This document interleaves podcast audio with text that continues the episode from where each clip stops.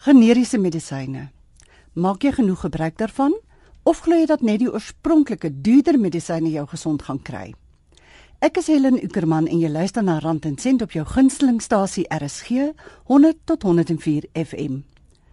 Vandag se ateljee gas op Rand en Sent is Heidri Ferreira, hoof van die kroniese divisie van Sandoz SA, 'n maatskappy wat generiese medisyne vervaardig. Welkom in die Rand en Sent ateljee Heidri. Goeiemiddag Helen, baie dankie vir die geleentheid.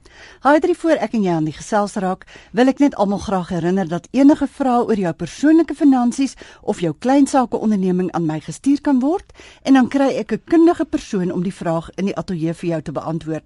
Hou dus daardie skryfding en papier byderhand, want aan die einde van die program gaan ek alle kontakbesonderhede gee.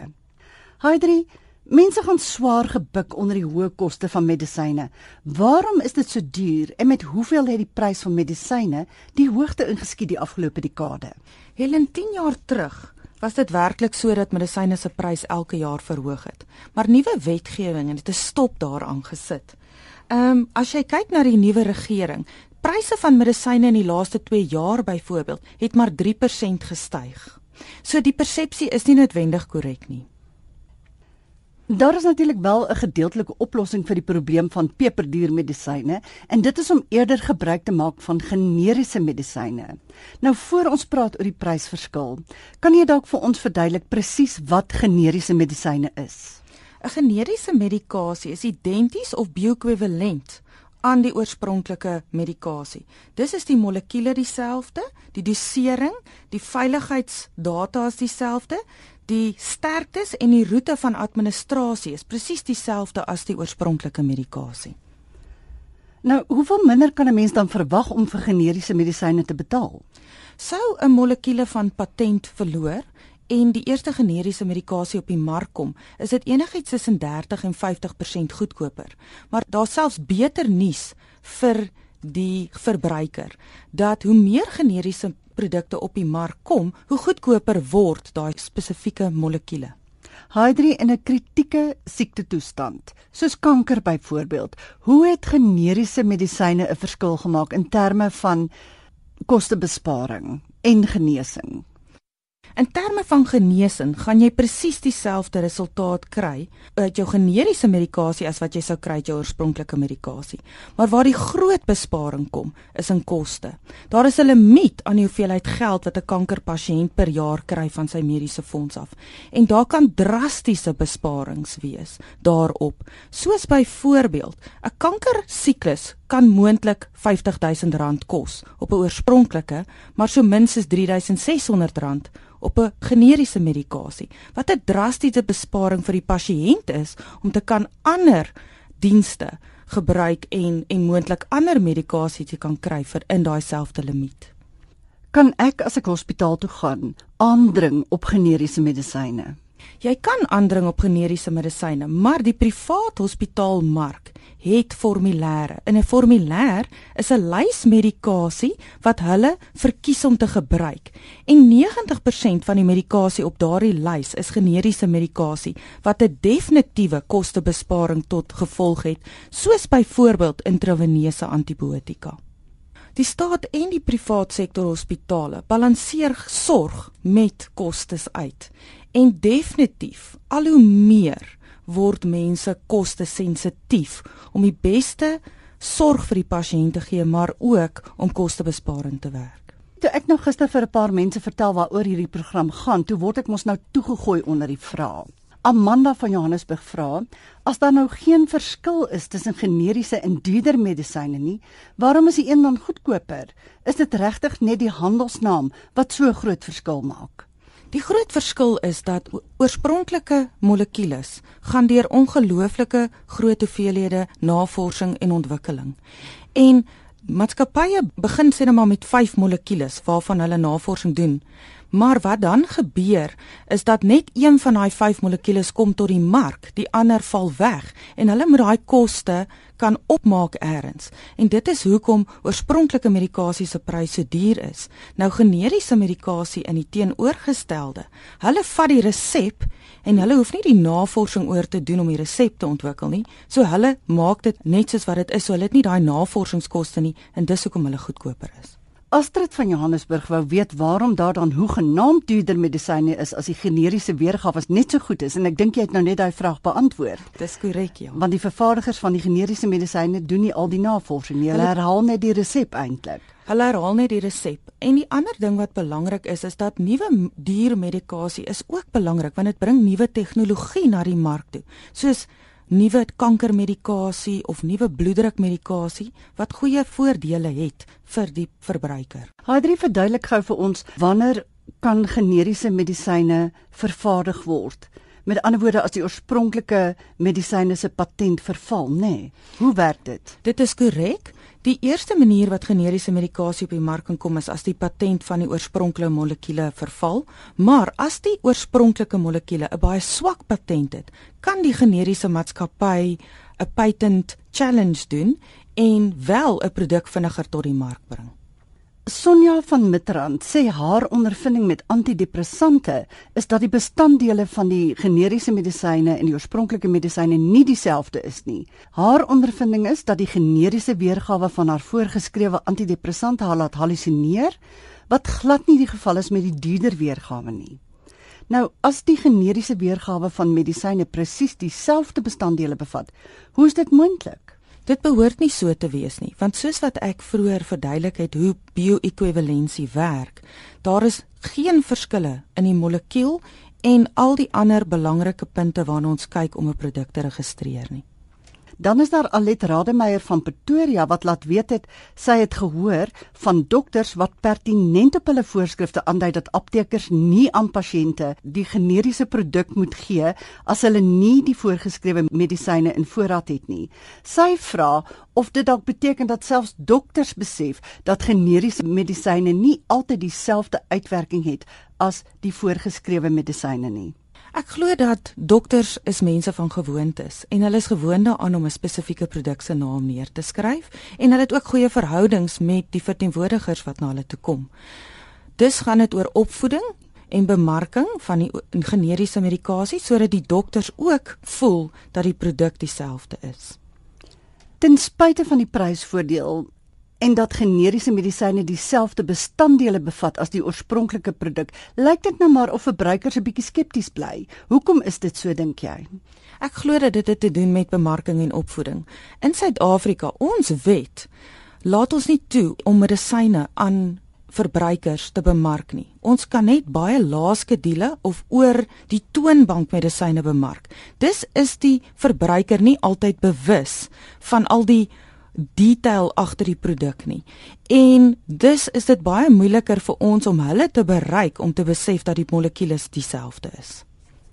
Hans van Stellenbosch het gevra watter rol die nocebo-effek kan speel in die skeptisisme wat sommige mense teenoor generiese en ander medisyne openbaar. En ek wil nou net vir die luisteraars verduidelik dat die nocebo-effek is eintlik die teenoorgestelde van die placebo-effek en dit het tot gevolg dat mense glo dat medisyne vir hulle nadelig is. Verseker, ek dink weet mense beweeg al hoe meer na natuurlike preparate toe. Dis definitief sodat mense wel moontlik aan die nocebo effek ly en ons het daar gepraat dat daar's pasiënte wat deur hulle foubiljet lees en dan het hulle al die neeweffekte wat op die foubiljet is. Met ander woorde, dit is 'n sielkundige effek wat mense laat glo medisyne gaan nie vir hulle werk nie en dan werk dit nie. Net soos wat die placebo-effek inhou dat mense glo medisyne gaan wel vir hulle werk, al bevat dit slegs suiker en dan werk dit. Definitief. Jy's by Rand en Sent met Helen op RSG 100 tot 104 FM en ons gesels met Heidri Ferreira, hoof van die kroniese divisie van Sandoz SA wat generiese medisyne vervaardig. Heidri, die wet op medisyne en verwante middele wat in 2003 van krag geword het, maak tog voorsiening daarvoor dat medisyne met generiese middels vervang mag word.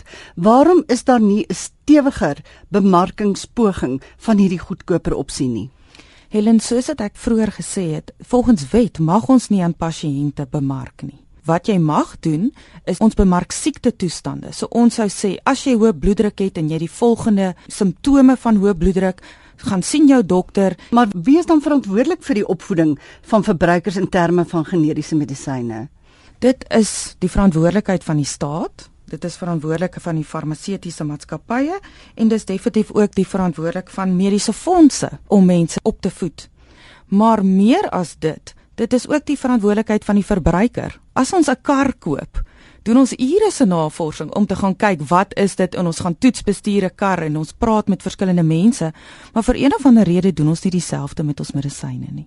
Ek weet nie of julle enige navorsing gedoen het daaroor nie, maar weet die meerderheid van verbruikers ooit van die generiese opsie? Weet hulle dat hulle 'n keuse het? Volgens wet moet die apteker wanneer die persoon voor hom staan in die apteek vir daai persoon sê daar is 'n generies, wil jy dit hê? So dit is veronderstel om 'n verandering aan te bring in die persepsie wat mense het en die gebruik van generiese medikasie. En ek dink dis baie belangrik nê nee, want ek meen dit kan 'n mens 'n groot klomp geld spaar en dit kan jou mediese spaarfonds langer laat hou. Dit gaan op die ouend effek op jou beursie. Verseker, 'n mediese spaarfonds is baie belangrik. Meeste mense verstaan nie wat hulle in 'n mediese fonds aangaan nie. Net om jou 'n voorbeeld te gee. Ons het 3 verskillende potte geld in ons mediese fonds.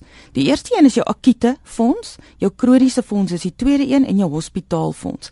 Mense is byvoorbeeld nie bewus dat as hulle nie hulle medisyne op kronies registreer nie, maar hulle gaan en hulle koop dit op akuut, dat hulle meer geld daarvoor moet betaal.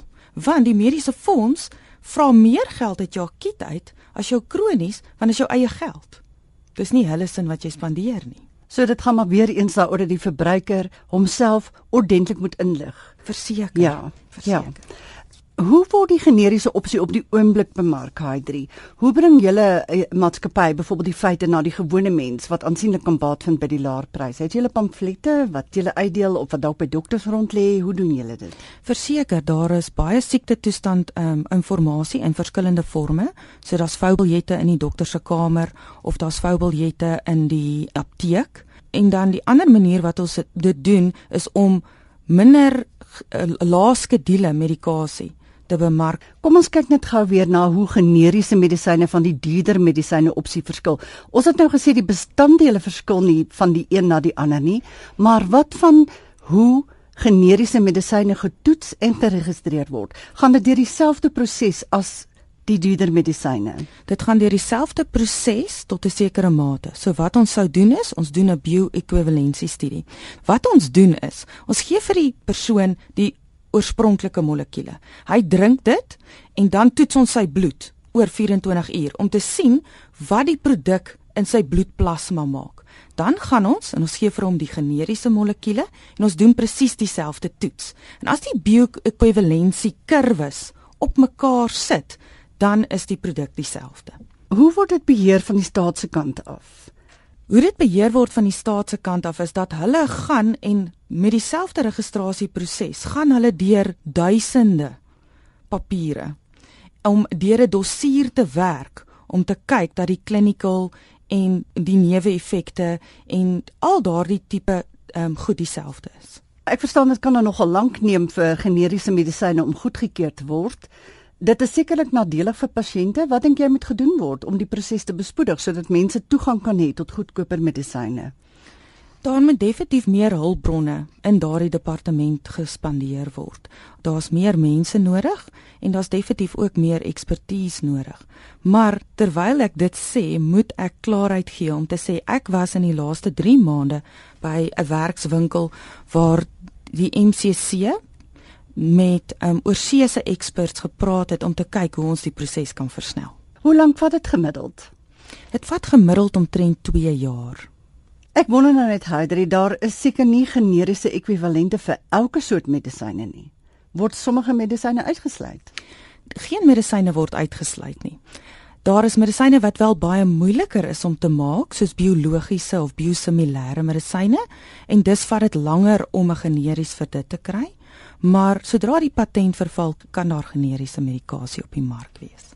Jy luister na Rand en Sent op RSG 100 tot 104 FM met Helen en ons ateljeegas is Heidri Ferreira, hoof van die kroniese divisie van Sandoz SA.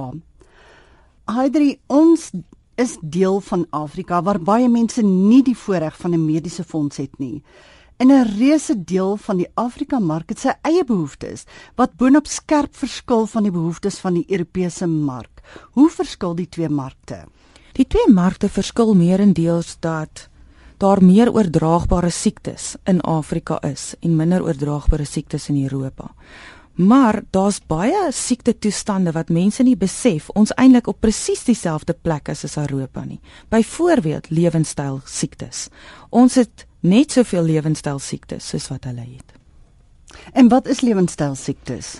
'n Lewenstyl siekte is iets wat voorkom kan word deur om beter te lewe. So, beter te eet, um, 'n bietjie te oefen en weg te bly van goed soos tabak of oormatige gebruik van alkohol.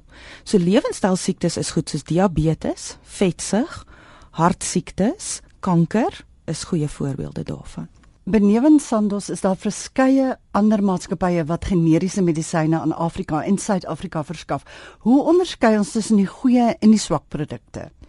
Ek glo nie dat daar 'n verskil is tussen goeie en swak produkte in Suid-Afrika nie. Ons medisyne raad wat produkte registreer, sal nooit medikasie registreer wat van swakker kwaliteit is nie.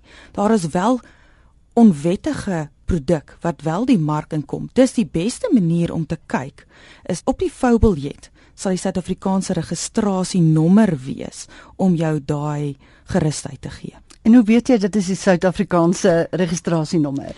Jy sal sien op die laaste deel van die foubiljet sal sê SA registrasienommer en 'n kode hê. En sou jy nog steeds kommer, kan jy die maatskappy kontak om te vra en te verseker dat jy wel iets drink wat deur Suid-Afrika geregistreer is. Waar kan ons meer uitvind van generiese medisyne? Ehm um, H3 het Sandos se webwerf waar ons kan gaan loer word daar bietjie verduidelik en uitgebrei op die onderwerp? Verseker, daar is baie assosiasies soos NAPM wat die National Association for Pharmaceutical Manufacturers is. Hulle kan op die NAPM webwerf gaan en dan Sandos se webwerf is www.sandos.com en Sandos word gespel S A N D O Z. Kom ons herhaal net gou hierdie besonderhede. Dit is www.napm.co.za of jy kan gaan kyk by www.sandos.com vir verdere inligting oor generiese medisyne. En jy kan natuurlik ook sommer generic medicine gaan Google vir verdere inligting.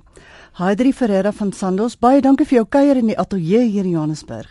Baie dankie Helen, ons het dit regtig geniet om die luisteraars meer in te lig oor generiese medikasie. Tyd vir daardie kontakbesonderhede. Ek hoop jy het daardie pen in die hand en die papier gereed. Jy kan my volg en vra stel op Twitter by @HelenUckerman of op Facebook by Rand en Sent Helen Uckerman en ek kry vir julle 'n kenner om daardie vrae te beantwoord op 'n volgende program. Jy kan ook e-pos stuur na helen.ueck@gmail.com. Onthou ook dat jy hierdie program in MP3 formaat kan aflaai van RSG se webwerf rsg.co.za. Tyd om te groet van my, Helen Ukerman. Stuur gerus daardie vrae en geniet die week wat voorlê.